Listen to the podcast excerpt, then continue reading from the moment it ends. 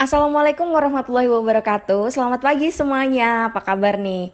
Kali ini spesial banget di acara perdana podcast HMKI yaitu HMKI Talk edisi April 2020 yang bakal ditemenin barengan aku, Fafa, dan nanti kita juga bakal kedatangan narasumber yang akan berbagi tentang pengalamannya di bidang kearsipan dan masih banyak lagi deh ya. Untuk itu teman-teman semua yang penasaran pastiin dengerin podcast ini sampai selesai. Dan gak usah lama-lama, kita langsung aja kenalan dengan narasumber kita pada pagi hari ini. Senang rasanya di sini saya dapat menyapa teman-teman semua. Selamat pagi teman-teman. Assalamualaikum warahmatullahi wabarakatuh. Apa kabar teman-teman semua? Salam kearsipan. Oke, sebelum lebih jauh menjawab satu demi satu pertanyaan, alangkah lebih baik saya memperkenalkan diri terlebih dahulu. Kata pepatah, tak kenal maka tak sayang. Saya Mutiatul Afifah, sering dipanggil Mutia. Kebetulan saya alumni kearsipan Universitas Diponegoro angkatan 2012 dan saya lulus pada tahun 2015. Halo Kamu Tia, senang banget kita bisa kedatangan Kamu Tia sebagai narasumber di podcast pertama HMKI. Nah, info aja nih buat teman-teman semua, Kamu Tia ini udah kerja di Arsip Nasional Republik Indonesia. Hmm, kalau boleh aku tahu nih kak, gimana sih kakak bisa bekerja di Arsip Nasional Republik Indonesia? Terus eh, pengalaman kerja sebelum ini kakak kerja di mana atau ini memang first jobnya kakak gitu? Saya mengikuti seleksi CPNS tahun 2017 lalu. Awal masuk sebagai CPNS tahun 2018. Berarti sekitar 2 tahun lah ya saya bekerja di Arsip Nasional Republik Indonesia. Nah, kebetulan saat ini saya ditempatkan di sekretariat utama, yaitu pada Biro Umum, lebih spesifiknya saya berada di unit kerja bagian arsip. Oh iya teman-teman, Sebelum saya bekerja di Arsip Nasional Republik Indonesia, saya telah mengabdikan diri saya kepada pemerintah Provinsi Jawa Tengah, lebih tepatnya di Rumah Sakit Jiwa Daerah Dr. Raden Mas Sujarwo di Provinsi Jawa Tengah, kurang lebih selama 2 tahun. Wah, kamu Tia uh, sudah mempunyai pengalaman kerja sebelum resmi menjadi uh, pegawai negeri di Arsip Nasional Republik Indonesia. Nah, mungkin teman-teman yang uh, lagi dengerin podcast kita kali ini pasti bertanya-tanya nih, apakah semuanya yang bekerja di Arsip Nasional Republik Indonesia secara namanya kan arsip ya kak. Uh, apakah mereka beliau-beliau ini uh, semuanya berasal dari bidang ilmu kearsipan atau ada dari bidang ilmu lainnya kak? Rekan kerja saya di Arsip Nasional Republik Indonesia sebagian besar berasal dari background kearsipan, tapi tidak menutup kemungkinan juga berasal dari disiplin ilmu lain. Tapi tentu beda dong untuk proses pengangkatannya menjadi seorang arsiparis. Oke, pertanyaan selanjutnya nih kak. Uh, pertanyaan ini mungkin uh, dari teman-teman yang kuliah di jurusan kearsipan sering mendengarnya ya, apalagi waktu maba tuh kan, pasti dosen-dosen pada nanya, kenapa sih kalian pilih kearsipan, kenapa, kenapa? gitu kan. Nah, uh, aku mau tanya nih, untuk pengalaman kamu Tia sendiri, kenapa sih kamu Tia milih kearsipan secara kearsipan itu, ya kita bisa tahu sendiri kan ya, banyak orang yang nggak tahu apa sih arsip sebenarnya, apalagi jurusan kearsipan, emang ada di Indonesia jurusan kearsipan itu. Nah, kamu Tia sendiri gimana di pengalamannya? Bisa diceritain ke kita, Kak? Oke, itu juga menjadi pertanyaan sih ketika saya masih menjadi mahasiswa kearsipan. Hmm, kebetulan dari SMA saya sudah tertarik dengan dunia administrasi. Maklumlah anak sosial. Nah, oleh orang tua, saya diarahkan untuk mengambil jurusan kearsipan di Universitas Diponegoro melalui seleksi PSSB. Alhamdulillah lolos. Oh, jadi memang usulan dari orang tua kamu Tia dan juga udah minat dari kamu Tia sendiri ya. Nah, sekarang uh, bisa diceritain ke kita semua gimana sih suka dukanya jadi arsiparis? Apalagi kamu Tia kan sebagai arsiparis di Arsip Nasional Republik Indonesia ya. bisa diceritain ke kita nih kak, apakah lebih banyak sukanya atau lebih banyak dukanya? Gimana kak? Suka duka menjadi seorang arsiparis.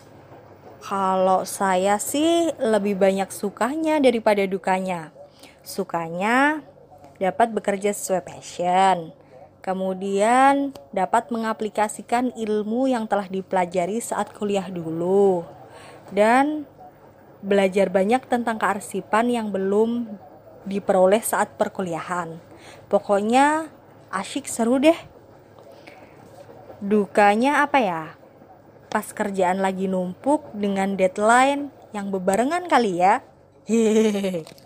Wah, berarti lebih banyak sukanya daripada dukanya. Terus pertanyaan selanjutnya nih kak, uh, aku aku sendiri yang aku rasain sebagai mahasiswa kearsipan nih masih sering uh, berpikir apakah pekerjaan sebagai arsiparis itu sering dipandang sebelah mata di dunia kerja? Uh, kalau menurut Kak Mutia sendiri sebagai arsiparis yang emang udah terjun ke dunia kerja, ngerasain langsung, apakah arsiparis itu masih dipandang sebelah mata nih? Saat ini, dunia kearsipan sudah banyak dilirik oleh instansi pemerintah maupun swasta. Apalagi di instansi pemerintah, setiap tahun terdapat kegiatan pengawasan kearsipan, baik pengawasan kearsipan internal maupun kegiatan pengawasan eksternal. Nah, hasil atau nilai dari pengawasan dijadikan salah satu komponen dalam penilaian PAN-RB. Kemudian ada lagi yang namanya GNSTA atau Gerakan Nasional Sadar Tertib Arsip.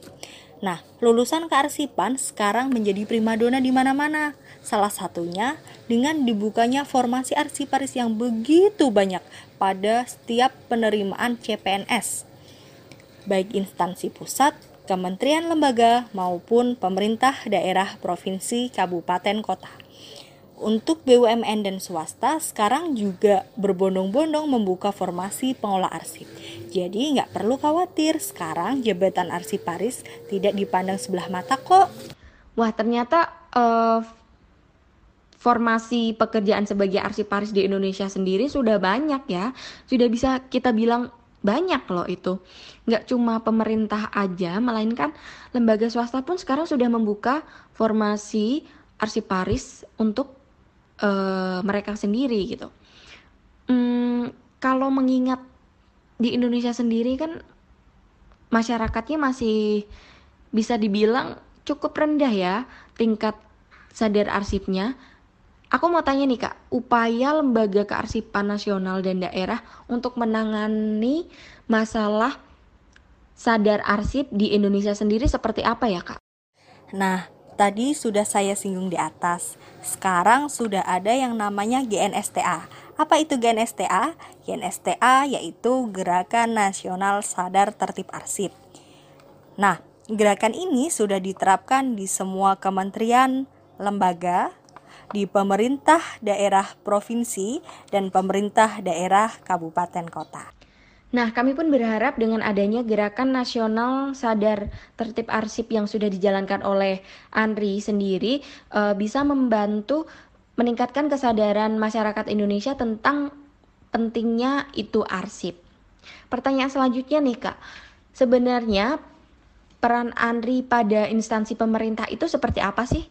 Andri di sini sebagai lembaga kearsipan nasional yang telah melakukan pembinaan kepada kementerian, lembaga, BUMN, dan perguruan tinggi negeri. Alhamdulillah, semua sudah tercapai. Wah, jadi Andri merupakan uh, lembaga kearsipan nasional yang memiliki tugas untuk melakukan pembinaan kepada instansi pemerintah yang ada di Indonesia ya, Kak. Pertanyaan selanjutnya nih, Kak. Apa sih dampak yang akan kita dapatkan apabila kita tidak melakukan tertib arsip. Dampaknya besar sekali kalau kita tidak tertib arsip. Yang pertama, pasti kita akan merasa bingung dan kesulitan dalam penemuan kembali arsip yang kita inginkan. Kedua, tidak menutup kemungkinan arsip itu akan hilang atau terselip entah di mana. Yang ketiga, bisa disalahgunakan oleh pihak yang tidak bertanggung jawab, dan masih banyak lagi. Wah, jadi banyak banget ya dampak negatif yang akan kita dapatkan apabila kita tidak melakukan tertib arsip. Kemudian nih kak, uh, langkah simple apa sih yang bisa kita lakukan untuk melakukan tertib arsip? Uh, bisa dibilang langkah yang paling simpel yang bisa kita lakukan di kehidupan kita sehari-hari. Nah, semua memang berawal dari diri kita masing-masing. Contoh simpel, bagaimana cara kita dalam memperlakukan personal file kita. Tentunya kita akan menyiapkan semacam map clear holder atau sejenisnya untuk menyimpan semua dokumen pribadi kita menyimpan di tempat yang aman dan mudah dijangkau, supaya tidak ada lagi dokumen atau arsip kita yang hilang maupun rusak. Wah, nggak kerasa banget. Ternyata kita sudah sampai di pertanyaan yang terakhir. Untuk itu, kamu Tia, eh, apa pesan yang mau disampaikan kepada masyarakat mengenai kearsipan dan khususnya kami sebagai mahasiswa kearsipan? Silahkan, Kak. Untuk masyarakat, cintai dan rawatlah masing-masing arsip pribadi atau personal file kita. Simpanlah di tempat yang aman dan mudah dijangkau. Untuk teman-teman lulusan kearsipan, terus semangat dalam meraih cita-cita, jangan patah semangat, bekerjalah yang baik, dengan hati yang tulus dan ikhlas. Nantinya kita akan begitu mencintai pekerjaan kita. Aplikasikanlah ilmu yang telah diperoleh selama perkuliahan, insya Allah akan mendapatkan yang terbaik. Mahasiswa kearsipan sekarang ini perlu lebih-lebih lagi melek teknologi karena sekarang arsip sudah mulai ke arah elektronik. Sebenarnya sih untuk melek teknologi ini tidak hanya untuk arsiparis, namun juga untuk semua profesi. Baik, terima kasih banyak kamu Tia sudah mau uh, meluangkan waktunya untuk mengisi podcast perdana HMKI ini sebagai narasumber yang sudah membagikan pengalaman yang sangat luar biasa, informasi-informasi yang sangat luar biasa. Kami ucapkan terima kasih sekali. Uh, next time semoga kita bisa bertemu lagi di acara podcast HMKI selanjutnya. Terima kasih, Kak.